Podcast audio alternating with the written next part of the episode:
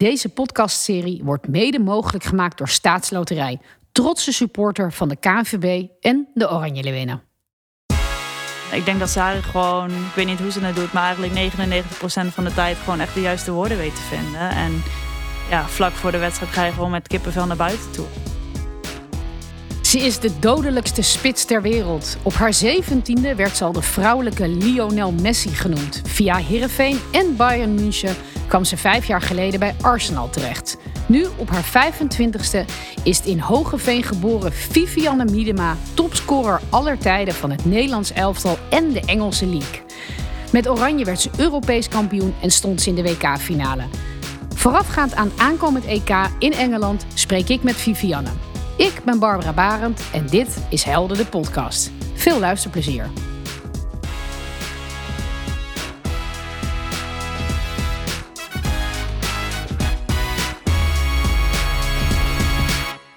Vivianne, het uh, gaat ontzettend goed met je. Um, wat is het mooiste compliment wat jij uh, in de afgelopen tijd hebt gekregen? Oeft, uh, mooiste compliment. Tenminste, ik denk ik als persoon dat ik meer waarde hecht aan complimenten buiten het veld als op het veld. En ik denk dat uh, de ontwikkeling die ik zelf en natuurlijk de teams ook mee hebben gemaakt. Uh, dat de jonge meiden zeg maar, het team in komen en zeggen dat ik zo open sta voor ze en zo goed nou ja, het team in helpt te komen, vind ik wel een heel mooi compliment. En is er nog specifiek één iemand van wie je dat nog kan herinneren, wat je mooi vond? Nee, best wel veel jonkies eigenlijk. Wat ik zei, we hebben gewoon een hele jonge groep nu. En um, ja, ze hebben het allemaal op, op bepaalde manieren wel gezegd. En ik vind als je nu kijkt naar de groep waar, waar natuurlijk eerder best wel een groot ja, gedeelte eigenlijk oude garde was, hebben we nu gewoon heel veel jonkies. En ja, dat is leuk om, uh, ja, om part of te zijn. Ik weet dat Ruud van Nistelrooy tegen mij zei, volgens mij uh, voorafgaand aan het WK. Ze is beter dan ik was op die leeftijd. Heb je dat compliment wel eens gehoord? Nee, nog nooit gehoord. Um, maar het is wel leuk om van, uh, van Ruud te horen natuurlijk. Uh, vond het heel leuk om naar hem te luisteren, ook voor het WK. En ook nu af en toe nog wel een beetje contact. En ik uh, ben benieuwd hoe hij het volgend jaar gaat doen.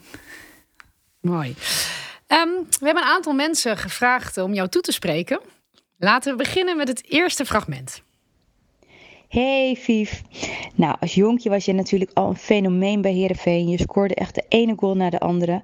En ook bij het Nederlands team waren je uitzonderlijke kwaliteiten direct heel erg duidelijk. Al moet ik zeggen dat je nonchalante houding op de trainingen misschien een klein beetje verbloemde voor sommige mensen. Ik was er wel direct van overtuigd dat jij de potentie hebt om in een goed seizoen de beste speelster van de wereld te worden. En ik hoop dat dat aankomend seizoen het geval is, omdat je zo'n geweldig EK hebt gespeeld. Heel veel succes daar. Anouk Hoogendijk, je oud ploeggenoot. We hebben jullie ooit nog samen gefotografeerd, kan ik me herinneren, voor de helden. Um, je houdt niet zoveel complimenten volgens mij, maar vind je het leuk om dit te horen? Uh, ja, natuurlijk uiteindelijk wel. Ik denk, uh, het is gewoon de aandacht waardoor ik een beetje awkward word. Maar um, ja, het is leuk om te horen. En het is natuurlijk ook ja, iets dat je, dat je elke dag motiveert. Uh, uiteindelijk, je voetbalt voor jezelf, maar je voetbalt vooral ook voor de mensen om je heen. En dan is het wel heel erg gaaf om of van oud-speelsters, oud-ploeggenoten, familie, vrienden, zeg maar dat soort dingen te horen. Jij hoort nu dat jonge speelsters uh, zich graag aan jou optrekken. Was Anouk zo iemand waar jij ook wel uh, dingen aan vroeg toen jij uh, bij het Nederlands zelf al kwam? Ja, ik denk dat het natuurlijk een hele andere tijd is nu. Waar ik vroeger doorbrak en ja, eigenlijk bijna niemand kende. En inderdaad misschien wel alleen maar Anouk en Daphne, Daphne Koster op dat moment. Um, is het nu heel anders. En natuurlijk als jonkie, als je erbij komt, eh, probeer gewoon van de, ja, van de oudere meiden te leren. En ik heb zelfs nog even met hen ook op de kamer gelegen. Dus uh, ja, we hebben het zeker wel over bepaalde dingen gehad. Jullie zijn uh, regerend Europees kampioen. Denk je nog wel eens terug aan dat EK? Ja, absoluut. Ik denk dat dat op, nou ja, op teamgebied als Nederland zelf zijn er gewoon het hoogtepunt is geweest tot nu toe. En vooral met het komende EK, je gaat daarheen als titelverdediger. Dus dat brengt een bepaalde druk met zich mee. Maar je kijkt ook altijd weer terug op wat je in 2017 hebt laten zien. En ja, het is gewoon een heel speciaal toernooi geweest. Heel speciaal moment geweest, denk ik, in het vrouwenvoetbal Nederland. En uh, zoiets mogen we niet vergeten. Heeft het jouw leven veranderd? Ja, absoluut. Uh, vooral in Nederland natuurlijk qua bekendheid. Um, maar wat ik zei, ook, ook de professionaliteit van het vrouwenvoetbal. En je ziet gewoon dat er heel veel stappen zijn gemaakt. En uh, we zijn er natuurlijk nog lang niet. Maar dat heeft het wel allemaal op, uh, op de wagen gebracht. Waar zijn we nog lang niet? Nou ja, we zijn nog lang niet op het niveau wat we bijvoorbeeld in Engeland wel hebben. Ehm, ik denk dat bepaalde landen voorlopen en dat is normaal. Dat is ook normaal als je kijkt naar de Eredivisie mannen. Uiteindelijk ben je als Nederland zijn een soort opleidingsland, denk ik. Ehm, maar we moeten wel stappen maken in de eredivisie om het niveau van nou ja, de meiden die doorbreken um, omhoog te krijgen. Ja, dat het ook aantrekkelijk wordt om in de eredivisie te voetballen, bedoel je? Voor bijvoorbeeld Oranje winnen. Ja, dat. Um, en ik denk vooral dat, zeg maar, dat jongere meiden niet direct de keuze hoeven te maken om naar het buitenland te vertrekken. En waar je nu ziet dat jonge meiden misschien toch wel heel snel naar een topclub gaan in het buitenland op de bank komen te zitten zou het natuurlijk mooi zijn als het, het niveau in Nederland hoger is en ze vervolgens daar nog door kunnen ontwikkelen. Er komt nu weer een eindtoernooi aan. En hoe ziet voorpret voor jou er dan uit? Um, nou ja, je zit natuurlijk best wel langzaam in de voorbereiding. En uh, gelukkig hebben wij als team zijn, hebben we het best wel leuk. Dus dan, uh, ja, dan word je wel echt excited zeg maar, om, om naar het toernooi toe te werken en om daar naartoe te gaan. Uh, maar het is natuurlijk ook nou ja, het fit blijven van je hebt misschien een paar dagen vrij, maar je moet wel de juiste dingen doen. Dus um, het, is wel, het is wel gewoon weer een speciale ervaring. En in de kleedkamer, hoe gaat het er daar aan toe? Um, nou ja, nu met de jonge meiden is het toch wel een stukje rustiger. Uh, we hebben natuurlijk Merel van Dongen die, uh, die danst en Sherida Spitsen die heel erg luid is. Maar um, ja, het is, wel, het is wel apart. Want je hebt gewoon elk team waar je in voetbalt, heb je eigenlijk een, zeg maar, een andere balance in. En dat vind ik ook het mooie aan voetbal. En het mooie aan nou ja, elke transfer window, elke keer weer zeg maar, het verjongen van. Je hebt gewoon altijd met een andere groep te maken. En dat is wel leuk. En hoe ben jij dan voor een wedstrijd? Oh, hetzelfde als nu. Maar maak je ehm, dansjes of maak je grappen? Nee, nee, nee. Ik ben gewoon rustig. En eh, ik vind het allemaal prima. Ik laat het de rest allemaal lekker doen. En uh, ik vind het gewoon heerlijk om op de achtergrond uh, mee te kunnen genieten. En wie heeft de beste speech in de kleedkamer vooraf? Sari is wel nou, aanvoerder natuurlijk ook voor een reden. Maar die is wel heel erg inspirerend. Ja, wat zegt ze dan bijvoorbeeld? Ja, van alles. Ehm, het ligt eraan waar we spelen, tegen wie we spelen. Um, ik denk dat Sari gewoon, ik weet niet hoe ze het doet, maar eigenlijk 99% van de tijd gewoon echt de juiste woorden weet te vinden. En ja, vlak voor de wedstrijd ga je gewoon met kippenvel naar buiten toe. En dat is wel, uh, nou ja, wel echt een, een hele speciale klasse die ze heeft, denk ik. Want dat is iets wat wij aan de buitenkant inderdaad echt niet zo zien. Hè? Wat jullie dan vooral meekrijgen. Wij mogen die speeches nooit horen. Die moeten wij eigenlijk ook horen. Dus nou ja, weet je, wie weet komt het bij jullie wel helemaal niet zo over. Alleen omdat wij uh, als team zijn er zoveel bij elkaar zitten en een proces doormaken, raakt het ons wel gewoon. En volgens mij is het mooi ook aan, aan het onderdeel zijn van een team dat gewoon niet alles naar buiten wordt gebracht en dat niet alles iedereen weet. En je kunt gewoon lekker dicht bij jezelf blijven. En um, ja, Sarah is daar gewoon heel goed in. Voorpret is voor de Leeuwinnen enorm belangrijk om te presteren in wedstrijden. Ze dansen en zingen en worden gemotiveerd door alle fans rond het stadion die in de stemming komen. Of het nou thuis op de bank, samen in het café of in de kleedkamer met je team is, we hebben allemaal dingen die we doen als voorpret. Deel jouw voorpretrituelen met Staatsloterij op Instagram en maak kans op een straat staatsloten. En we gaan naar iemand anders uh, die uh, ook uh, heel trots op je is en graag iets tegen je wil zeggen. Hey Vief, waar moet ik beginnen bij jou? Met alles wat je hebt bereikt in je carrière en wat je, neem ik aan, nog gaat bereiken. Hoe jij je dag in dag uit weer inzet voor het team en voor jezelf en wat je er allemaal voor over hebt. Iedere keer weer een nieuw doel die je wilt bereiken met club of met land, waardoor je prijs naar prijs, zoals het EK winnen, tweede op het wereldkampioenschap en meedoen aan de Olympische Spelen. Maar daardoor haal je ook record na record voor jezelf binnen.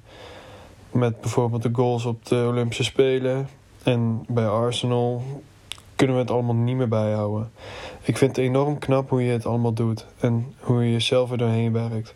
Ga zo door en het wordt zeker alleen maar mooier.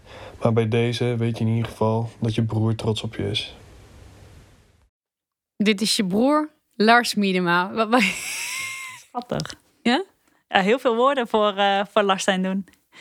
Ja, nee, ik heb een hele speciale band met mijn broertje natuurlijk. Um, ja, eigenlijk altijd al gehad als van kinds af aan zijnde. Nooit, uh, nooit er ruzie gehad, altijd twee handen op één buik. En, en nu nog steeds. En um, ik weet dat hij trots op me is. Ik ben ook trots op hem. En hij is wel gewoon uh, nou ja, mijn uh, beste maatje in dat opzicht. En ook een voetballer. Jullie voetbalden vroeger ook altijd samen. Ja, klopt. Uh, ook een voetballer. Daarom hebben we natuurlijk ook veel gemeen. Um, hij heeft wel een stapje terug gedaan in zijn voetbal nu, maar hij is hartstikke gelukkig. En uiteindelijk wil je dat natuurlijk zien. Um, en ja, we kunnen over van alles praten. Over voetbal, over, over werk, over school. Over, ja, het is gewoon, ja, wat ik zei, gewoon mijn maatje in dat opzicht. Maar je ging jong het huis uit. Heb je hem toen ook heel erg gemist? Ja, ik denk eigenlijk, um, ik was 16 toen ik in Heerenveen ging wonen. Nou, hij was nog heel jong, hij was 12 op dat moment. Um, en eigenlijk heb ik nooit heimwee naar huis gehad. Het enige waar ik heimwee naar had was eigenlijk Lars. Um, en uiteindelijk door de jaren heen, kijk, vroeger ging je op de Skype, nu ga je natuurlijk makkelijk op de FaceTime of de WhatsApp. Maar ja, je hebt altijd contact gehouden. En als je dan thuis bent nu, dan is het ook weer extra speciaal. Wat lief wat je over hem zegt. Ja, nou ja, weet je ook wat hij over mij net zei. Um, ja, hij is gewoon heel belangrijk. En we, we zijn volgens mij heel belangrijk voor elkaar. En um, ja, uiteindelijk zal familie en, en zal Lars altijd op één staan. Mooi. Um, kan je de Vivianne van 2017 eens met die van nu vergelijken? Je vertrok daarna naar Arsenal. Wat is er allemaal gebeurd? Oh, heel veel. Um, ja, toen was ik, wat was ik toen? 20, 21. Ik ben nu natuurlijk vijf jaar verder in mijn voetbalcarrière heel veel andere dingen meegemaakt. Um, een lockdown meegemaakt. Um, ja, ben gewoon een stuk rustiger, een stuk volwassener. Uh, ik sta positiever in het leven. En ja, ik heb gewoon heel veel zin eigenlijk om, om gewoon dat toernooi te gaan voetballen aankomende zomer met alle vrijheid. Wat leuk, je zegt ik sta positiever in het leven. Wat, wat is dat dan? Dat je... Um, ik denk natuurlijk toen ik mijn debuut maakte als 17-jarige en vervolgens um, het jaar daarna in 2015 naar Canada ging, heb ik natuurlijk heel veel druk gevoeld. Um, nooit echt het gevoel gehad dat ik uit mijn puberteit door kon groeien naar een volwassene. Uh, het was eigenlijk heel snel. Ik moest heel snel volwassen worden. En ik denk dat ik vooral de afgelopen jaren daar veel tijd en energie in heb gestoken om, om nu gewoon mezelf te kunnen zijn. En wat ik zei, dat, dat hoor ik terug van meiden. Um, dat, dat voel ik zelf natuurlijk ook. En ja, ik kan gewoon meer genieten van dingen. Je zei, ik sta positief in het leven. Hoe heb je eigenlijk je moeilijke tijden overwonnen? Niet. Um, ja, again, ik denk dat dat zeg maar iets is wat met de jaren komt. En, en waar je misschien op dat moment niet op de juiste manier mee omgaat en doorheen gaat. En vervolgens nou ja, liep ik nadat ik eigenlijk alles heb opgekropt voor heel lang, liep ik daar toen ik 22, 23 was heel erg tegenaan. Toen heb ik ook uh, met een normale psycholoog gezeten, ben ik heel veel dingen doorgegaan. Uh, heb ik met mensen die heel erg dicht bij mij staan, heel veel contact gehad en, en intensief over bepaalde dingen gepraat. En uh, volgens mij is dat de enige manier dat je dingen van, van vroeger op kan lossen en vervolgens uh, in de toekomst beter weet hoe met dingen om te gaan. En um, op dit moment sta ik sta ik vrij, nou ja, wat ik zei, happy en positief in het leven. En heb ik zoiets van uh, alles wat op zijn weg komt, kom maar op, want dat kan ik wel aan op dit moment. Vond je het ook lastig dat je kreeg ook dan wel soms het commentaar dat je nonchalant was of niet meevoetbalde? Leek, daar leek je ook wel eens aan te storen. Um, ja, aan te storen wel. Um, lastig niet zozeer, omdat ik, nou ja, ik weet natuurlijk wie ik ben. Ik weet hoe, ik ben. Ik weet hoeveel waarde ik hecht aan uh, het onderdeel zijn van het team, aan het happy maken van de andere meiden. Ik denk dat vanaf vroeger af aan heel veel mensen eigenlijk geen idee hebben wie ik ben en hoe ik, hoe ik echt ben. Um, en ja, daar heb ik uiteindelijk niet zo heel veel aan natuurlijk. Um, ik moet gewoon dicht bij mezelf blijven. En zo, ja, zolang zeg maar, de juiste mensen weten wie ik echt ben, is dat het belangrijkste. En wil je er iets over vertellen? Wat je zei, dat je veel opgekropt had. En dat je op je 22e ook bent gaan praten en met een aantal mensen hebt gesproken om zeg maar dingen op te lossen? Uh, nou, daar komt vooral terug. Nou, daar kwam van, van heel vroeger al terug. Maar ook natuurlijk wat ik zei, de ervaring met het Nederlands elftal richting WK 2018, uh, 2015. Met daarna natuurlijk het EK in 2017 ook. Um, ik denk dat dat gewoon zulke grote gebeurtenissen zijn geweest in mijn leven. En wat ik zei, op dat moment dacht ik, ik kan het wel alleen zonder dat ik iemand nodig heb. Um, ja, er komt er gewoon een moment dat je wel realiseert dat je anderen nodig hebt. En dan wil je er gewoon heel graag over praten. En dat heb ik gedaan. En het is natuurlijk niet alleen maar voetbal. Want uiteindelijk is, is voetbal een groot gedeelte van mijn leven, maar niet alleen maar. Um, maar ja, ik ben wel heel dankbaar dat, dat ik de juiste mensen om me heen heb gehad om daar zeg maar doorheen te gaan. Kunnen mensen zich voorstellen wat die druk met je doet? Als mensen inderdaad Lionel Messi noemen, wat ook een gekke vergelijking is. Je bent helemaal geen type voetballer. Maar kunnen mensen zich dat voorstellen, hoe, hoe dat voelt, die druk? Nee, dat denk ik niet. Maar ik denk dat dat sowieso moeilijk is voor mensen. Aangezien je in een heel apart wereldje leeft als je topsporter bent. Ehm, kijk, topsporters die, die zullen het tot een bepaalde hoogte wel kunnen begrijpen. Ehm, ja, uiteindelijk is het gewoon een vooral nu natuurlijk met het vrouwenvoetbal. Het is niet alleen maar groot meer in Nederland of binnen een bepaalde doelgroep. Het is gewoon heel erg groot over de wereld. En ja, daar moet je als speelster zijn er ook weer mee om leren gaan. En wat ik zei, daar sta ik nu gewoon heel neutraal en heel relaxed in. Maar vroeger, vooral omdat de juiste hulp niet aanwezig was, was het gewoon heel moeilijk om dat op te pakken. En welke hulp heb je daarvoor gehad? Uh, nou, van alles eigenlijk natuurlijk. En um, ik denk um, dat clubs, en ook hier bij het Nederlands elftal, dat, dat er gerealiseerd is dat we gewoon een, een sportpsycholoog aanwezig moeten hebben. Um, waar ik ook gewoon gebruik van heb gemaakt, zowel op clubniveau als, als Nederlands elftal niveau. Uh, vervolgens is het denk ik als, als speelster en persoon heel belangrijk dat je de juiste mensen om je heen verzamelt. En dat heb ik zeker de afgelopen jaren ook gedaan. En ja, dat geeft gewoon heel veel rust. En dan, dan betekent het gewoon dat je niet meer jij tegen de wereld bent, maar gewoon jij en je mensen tegen de wereld. En dat is gewoon heel erg fijn. Je straalt. Ja, ik ben happy. Uh, ik voel me goed. Um, wat ik zei, ik, ik, bekijk het gewoon per dag. Um, ik vind het heel leuk om nu bij de meiden te zijn, bij de jonge meiden te zijn, om hun iets te leren, om hun nou ja, toch wel een, af en toe een schop onder de kont te kunnen geven. En kunnen zeggen van, nou, denk hier nou bij na, doe iets anders. Um, en ja, ik denk dat die uh, verantwoordelijkheid ook wel een beetje bij me past. En uh, vertel je ze dan ook een beetje wat er nu aan gaat komen met weer een eindtoernooi en hoe je daar naartoe moet leven? Ja, tot nu toe wel. Best wel veel gesprekken over gehad deze week natuurlijk, want het EK komt dichterbij. Um, ja, het is gewoon goed om, om die meiden bewust te laten worden van wat er eigenlijk allemaal gaat gebeuren. En wat ik zei, als ik terugkijk op mijn eerste maanden, eerste jaren, dan had ik gewoon heel graag gewild dat of de oudere meiden in het team, of zeg maar van buitenaf, dat er gewoon veel meer hulp en, en guidance was geweest. En ja, dan voel ik wel de verantwoordelijkheid dat ik dat in ieder geval geef aan de meiden. En dat is er nu ook vanuit het team, als ik jou zo hoor.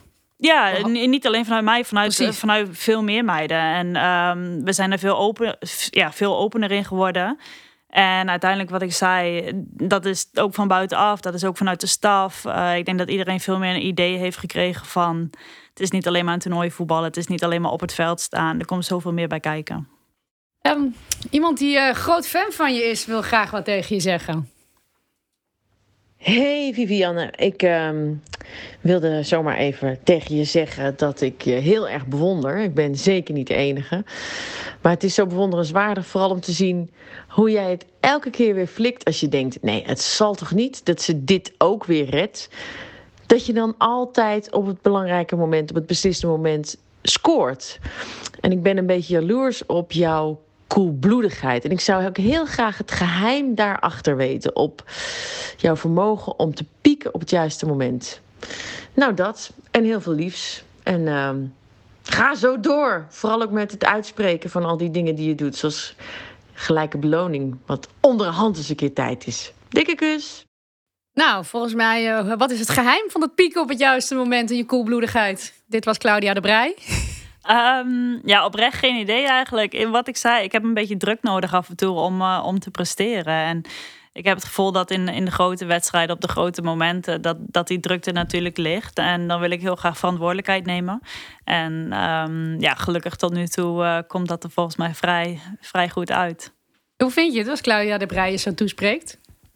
Ja, ja leuk natuurlijk. Um, vooral ook, again, omdat je net van iemand anders hoort in plaats van, van misschien iemand die, die je goed kent of die in het team zit. Um, ze is natuurlijk toch een, een buitenstaander in dat opzicht. En ja, dat, dat doet gewoon toch wel iets met je. En wat ik zei, ik wil altijd de verantwoordelijkheid nemen. En ik vind het ook prima, ook als het niet goed gaat. Um, maar ja, op de momenten dat het wel goed gaat, dan is het natuurlijk ja, wel extra bijzonder.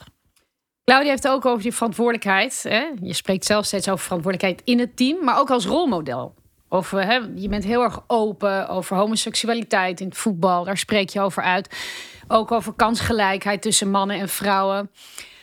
Um, waarom doe je dat? Waarom zit dat zo in je? Um, nou ik denk vooral ook omdat wat we eigenlijk net zeiden, toen ik opgroeide, waren er voor mij niet echt uh, role models, zeg maar. Ehm, en ik heb het idee dat we in, in het vrouwenvoetbal kwamen en dat er eigenlijk niks uitgestippeld of, of verbeterd was ten opzichte van een aantal jaar geleden. En ik denk dat nu op dit moment met het platform dat wij hebben, en nou ja, ook met de intelligentie en de kwaliteit die niet alleen ik, maar heel veel meiden in het team hebben, dat wij uh, ons ja, daar de verantwoordelijkheid in moeten nemen. En kijk, tuurlijk, ik zal altijd blijven vechten voor um, nou ja, gelijke kansen voor jongetjes en meisjes. Uh, ik zal altijd blijven vechten voor het oké zijn wie je bent, maakt niet uit met wie je bent.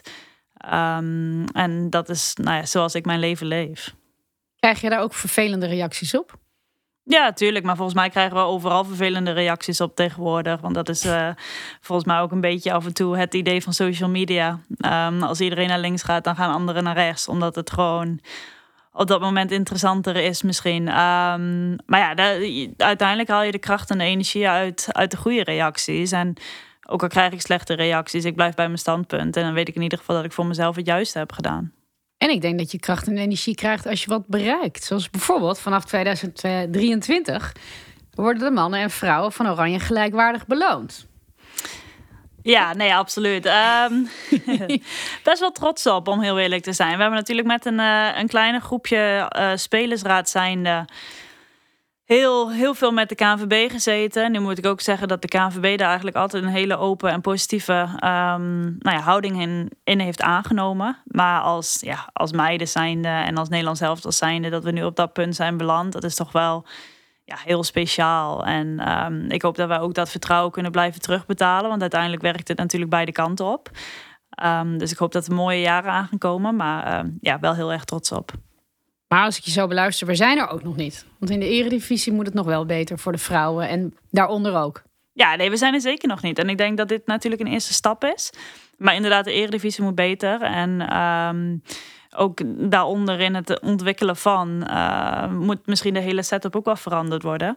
Maar dat is natuurlijk iets, eh, alles gaat stapje bij stap. En um, ja, uiteindelijk hebben we nu dit bereikt en zullen we zeker blijven vechten voor uh, nog meer verbeteringen. En je spreekt je ook uit, wat ik al zei, voor homoacceptatie in het mannenvoetbal. Toen je hoorde dat Josh Cavallo uit de kast kwam in Australië, dacht je nou, nu volgt het ook eindelijk in Engeland en in Nederland? Uh, nou, niet gedacht, misschien wel gehoopt. Um, ja, het, blijft gewoon een, een lastig item. Um, en dat is natuurlijk wat ik zei, vooral door de society op dit moment. Geen idee waarom het in het normale leven wel steeds normaler wordt en geaccepteerd wordt, maar in het voetbal niet. Uiteindelijk gaan we er wel komen, denk ik, maar we zijn er gewoon nog lang niet. En kijk, natuurlijk, zijn, zijn coming out is een eerste stap. Maar hopelijk gaan er nog veel, veel meer volgen. En denk je dat jij het nog mee gaat maken dat, nou dat mag ik wel hopen, want eh, volgens mij ben ik hier nog wel 50 jaar. Maar um, nee, ik hoop, ik hoop zeker dat ik het nog mee ga maken, ook in mijn actieve carrière. Ik wilde eigenlijk vragen, denk je dat je het nog gaat meemaken dat het geen issue is? Net als bij de vrouwen het geen issue is? Of volgens mij bij jullie in het team, of is het wel een issue nog? Nee, bij ons niet. Maar ik denk dat het, wat ik zei, ik denk dat het heel moeilijk is om het um, overal geaccepteerd te laten maken nu. Want als je kijkt natuurlijk naar, naar andere landen. We hebben uh, in november uitgespeeld bij Wit-Rusland, waar het natuurlijk ook niet oké is om, om gay te zijn. Um, dus wij kunnen in Nederland een bepaalde cultuur hebben die eigenlijk goed en positief is. Maar dat betekent niet dat het in nou ja, omliggende landen in Europa, in de wereld, zeg maar hetzelfde is. En ja, dat heeft nog zo lang nodig. We gaan een WK voetballen met een man in een land waar homoseksualiteit strafbaar is. Waar je drie jaar de bak in kan.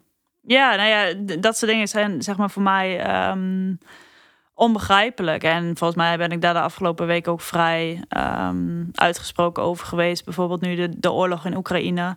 Uh, volgens mij moeten we als, als FIFA, als UEFA zijn de, de juiste beslissingen maken in wanneer het tot, tot mensenrechten komt, wanneer het tot uh, het vooruitdenken van komt. En volgens mij zijn we daar op dit moment niet mee bezig. Dus dat is natuurlijk als voetballers zijnde, maar vooral als persoon zijnde gewoon een teleurstelling.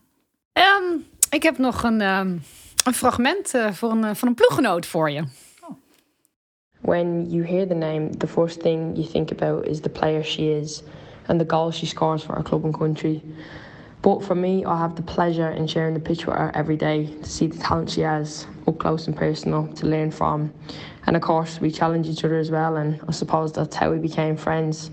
For me, she's much more than just an incredible player. She's the most amazing person, most of all. I'm lucky to have such an amazing friend in Viv, and I see firsthand how she always puts others first, the kindness she shows to others, and the big heart she has. When she's smiling, it's infectious, and I'm sure everyone will agree when we've got Happy Viv, everyone's life is a lot easier. I'm very lucky to have such an incredible teammate, but most of all, an incredible friend. Dit is Katie McCabe. Spreek ik zo de naam uit? Katie McCabe. Katie McCabe. Wat een mooie woorden. Ja, absoluut. Viv. Ehm, ja, nee, zeker weten. Ik ken Katie natuurlijk al best wel lang. Uh, vijf jaar nu bij Arsenal. Uh, daarvoor ook vaak tegen elkaar gespeeld in de jeugdelftallen. Dus dat is wel grappig. Maar uh, ja, Katie is wel een, van mijn goede vrienden bij Arsenal, ja. Maar wat we ook door deze hele podcast horen, is dat je het grote hart, Vivianne die voor iedereen open staat, uh, Vivianne die zo positief is. Ik vind het leuk om dat te horen. Dat hoor je nu ook weer van haar. Ja, wat ik zei. Ik denk gewoon dat er een hele grote shift is geweest de afgelopen jaren. En dat ik me gewoon nu, nu beter voel, meer op mijn gemak, ja, meer op mijn gemak voel, zeg maar, om, om meiden heen. Um, ook in verschillende teams. En ja, daar komt het naar buiten toe. Kijk, ik, ik weet van mezelf dat ik altijd een groot hart heb gehad. Maar dat het eigenlijk heel erg was voor familie en voor mensen die echt dichtbij me stonden. Um, en nu heb ik eindelijk de energie en, en de power ook om dat zeg maar toe te laten bij anderen. En um, ja, zoals ze zelf zegt, ik weet dat ik heel veel invloed heb, zowel hier op het team als bij Arsenal. En um, als ik happy ben, dan uh, gaat de rest daar wel in mee. Dus ja, die verantwoordelijkheid draag ik ook nu. Ben je inmiddels een halve Engelse? Spreek je ook zo mooi uh, cockney? Of hoe zeg je dat ook weer? um, nee, niet dat, maar uh, wel meer Schots. Um, ja, ik, weet je, ik vind living in the UK helemaal geweldig. ik, ik voel me er heel erg thuis. Um, wat ik zei, ik weet niet of ik ooit later weer terug ga naar Nederland. Maar um, ja, het is gewoon een relaxte cultuur. De meiden zijn, zijn super bij Arsenal. En ja, dat helpt wel gewoon heel erg op dit moment. En zou het dan Londen worden? Of Schotland? Of wat, wat? Oh, open for anything. Um, eigenlijk, ja, waar ik nu woon, St. Albans, is naar buiten Londen. Dus je hebt het beste van both worlds. Uh, je hebt en natuurlijk de grote city met Londen. Um, ik heb ruimte, ik kan lekker wandelen in het bos. Um, dus ja, in dat opzicht, ik heb geen idee, maar ik sta, ja, ik sta er zeker voor open. Uh, je contract bij Arsenal loopt dit jaar af. Wat zijn jouw ambities nog? Um, nou, ik ben vrij jong natuurlijk, nog steeds 25. Mijn ambitie is zeker om, om ooit de Champions League te winnen. Maar if not, dan ja, wat ik zei, er is zoveel meer dan alleen maar prestatie op het voetbalveld. Um, ik zou het heel mooi vinden als ik heel veel dingen zou kunnen veranderen. Zowel hier in Nederland als in Engeland, als op een, een groter niveau. Um, Welke dingen bijvoorbeeld? Nou ja, nu de Equal Pay natuurlijk met de KNVB. Um, het opzetten van een echte jeugdacademy, bijvoorbeeld bij Arsenal, die er gewoon op dit moment ook niet is.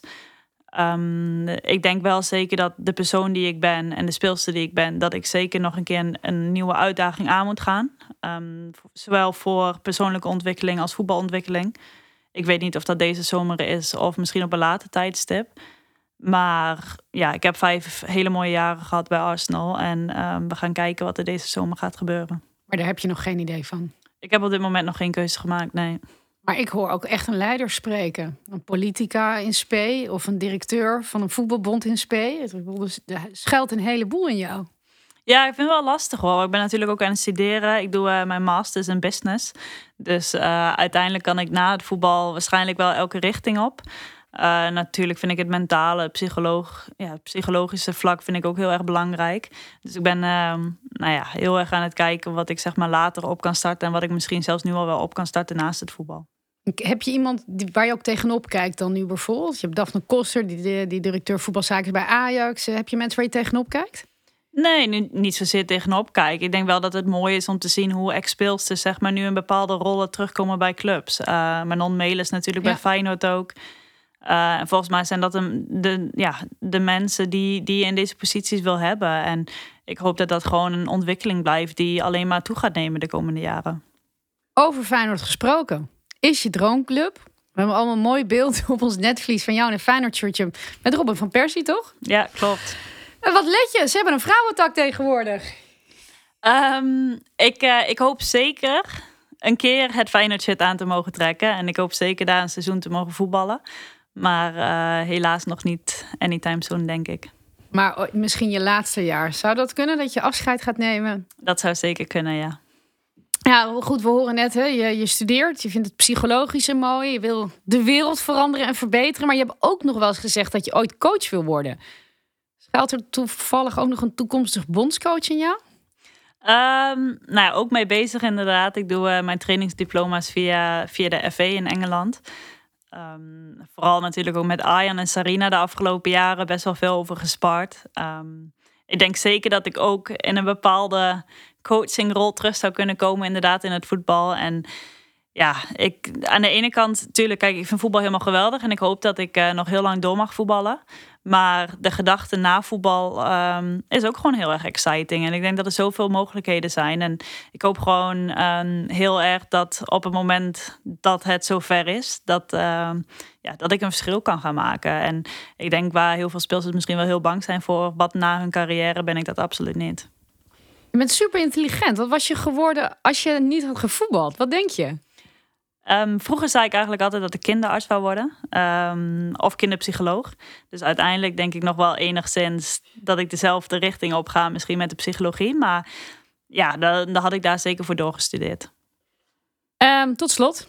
Je bent 25. Wat hoop je dat anderen, bijvoorbeeld je broer of wie dan ook, over tien jaar over jou zeggen? Nou, vooral dat ik gewoon een, een bepalend en een heel goed persoon in hun leven ben geweest. Op wat voor manier dan ook. En dat kan natuurlijk iets heel kleins zijn voor, voor een meisje die net begint met voetballen. Waar, waarvoor ik er gewoon een grote inspiratie kan zijn op het voetbalveld. Uh, voor mijn broertje, voor mijn vrienden, voor mijn familie wil ik gewoon nou ja, de beste versie van mezelf zijn. Zodat ik hun verder kan helpen. En ik hoop gewoon dat mensen nou ja, zich gaan realiseren dat ik... Uh, dat ik nog niet zo erg ben en dat ik gewoon, uh, nou ja, eigenlijk een big friendly giant ben. Dankjewel. Ik vond het heel erg mooi. Dankjewel. En hartstikke lief ook. Wat men over je zei en hoe je spreekt. Ja, nee, heel leuk. Dankjewel.